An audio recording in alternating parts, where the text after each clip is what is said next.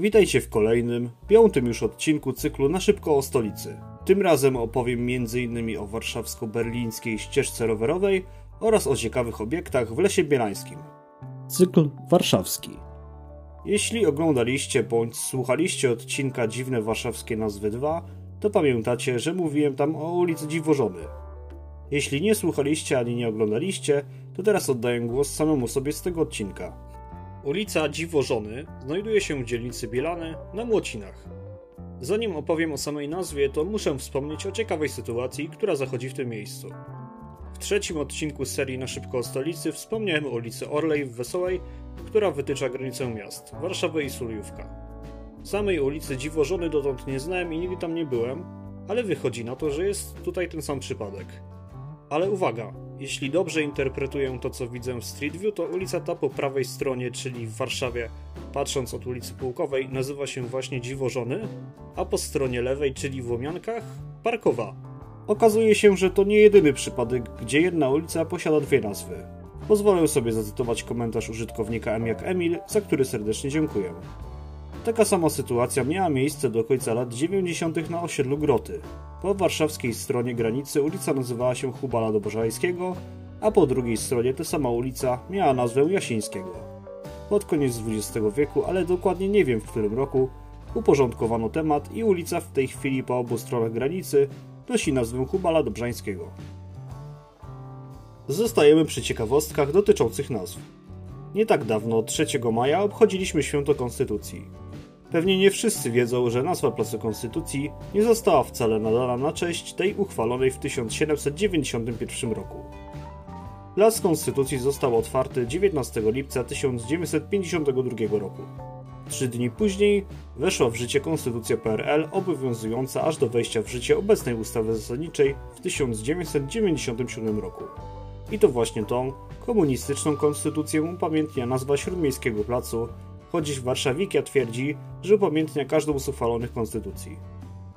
Jako dodatkową ciekawostkę powiem, że plac początkowo miał nosić imię Bolesława Bieruta, jednak sam Bierut tego nie chciał. Jeśli chodzi o ulicę Marszałkowską, która częściowo przebiega także przez Plac Konstytucji, to kiedyś myślałem, że upamiętnia ona marszałka Józefa Piłsudskiego. Dowiedziałem się później, że wcale tak nie jest. Ulica Marszałkowska upamiętnia Franciszka Bilińskiego, żyjącego w XVII i XVIII wieku marszałka wielkiego koronnego. Kierował on pracami nad rozbudową i uporządkowaniem Warszawy. Znany był też z dbania o porządek w Warszawie.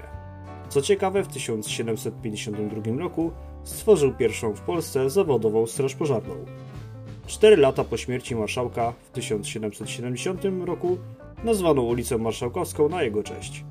Przy skrzyżowaniu jej i ulicy Królewskiej stał zbudowany przez niego pałac zburzony w XX wieku. To ostatnia w tym odcinku ciekawostka dotycząca nazw ulic. Być może kojarzycie nazewnictwo ulic w Stanach Zjednoczonych, gdzie kolejne ulice są nieraz numerowane. Podobnie jest w Aninie, gdzie każda kolejna ulica poprzeczna od ulicy Bronisława Czecha do ulicy Oficerskiej, między ulicą Wydawniczą, Kazimierza Szprotajskiego a Michała Kajki, nosi nazwę kolejnych poprzecznych. I tak mamy pierwszą, drugą, trzecią, czwartą i piątą poprzeczną. Potem, co ciekawe, jest ulica o innej nazwie, Bosmańska, a dalej od szóstej do dwunastej poprzecznej. Ulice te zostały nazwane właśnie w stylu amerykańskim, jednak nie wiadomo dlaczego akurat tak, a przynajmniej takiej informacji nie udało mi się znaleźć. Przy skrzyżowaniu Alei Niepodległości i ulicy Stefana Batorego znajduje się ścieżka rowerowa. Wprawne oko wypatrzy na niej dwa herby Warszawy i Berlina. Fragment tej ścieżki powstał w 2000 roku, gdy wytyczone szlaki dla rowerzystów nie były jeszcze tak popularne w naszym kraju. Ówczesny prezydent Warszawy Paweł Piskorski miał nawet powiedzieć: Jechało się fajnie, ale te drogi dla rowerów to jeszcze mogą poczekać. Dla porównania, obecnie w stolicy jest ponad 700 km tras rowerowych. Ale dlaczego na ścieżce znajduje się także herb Berlina?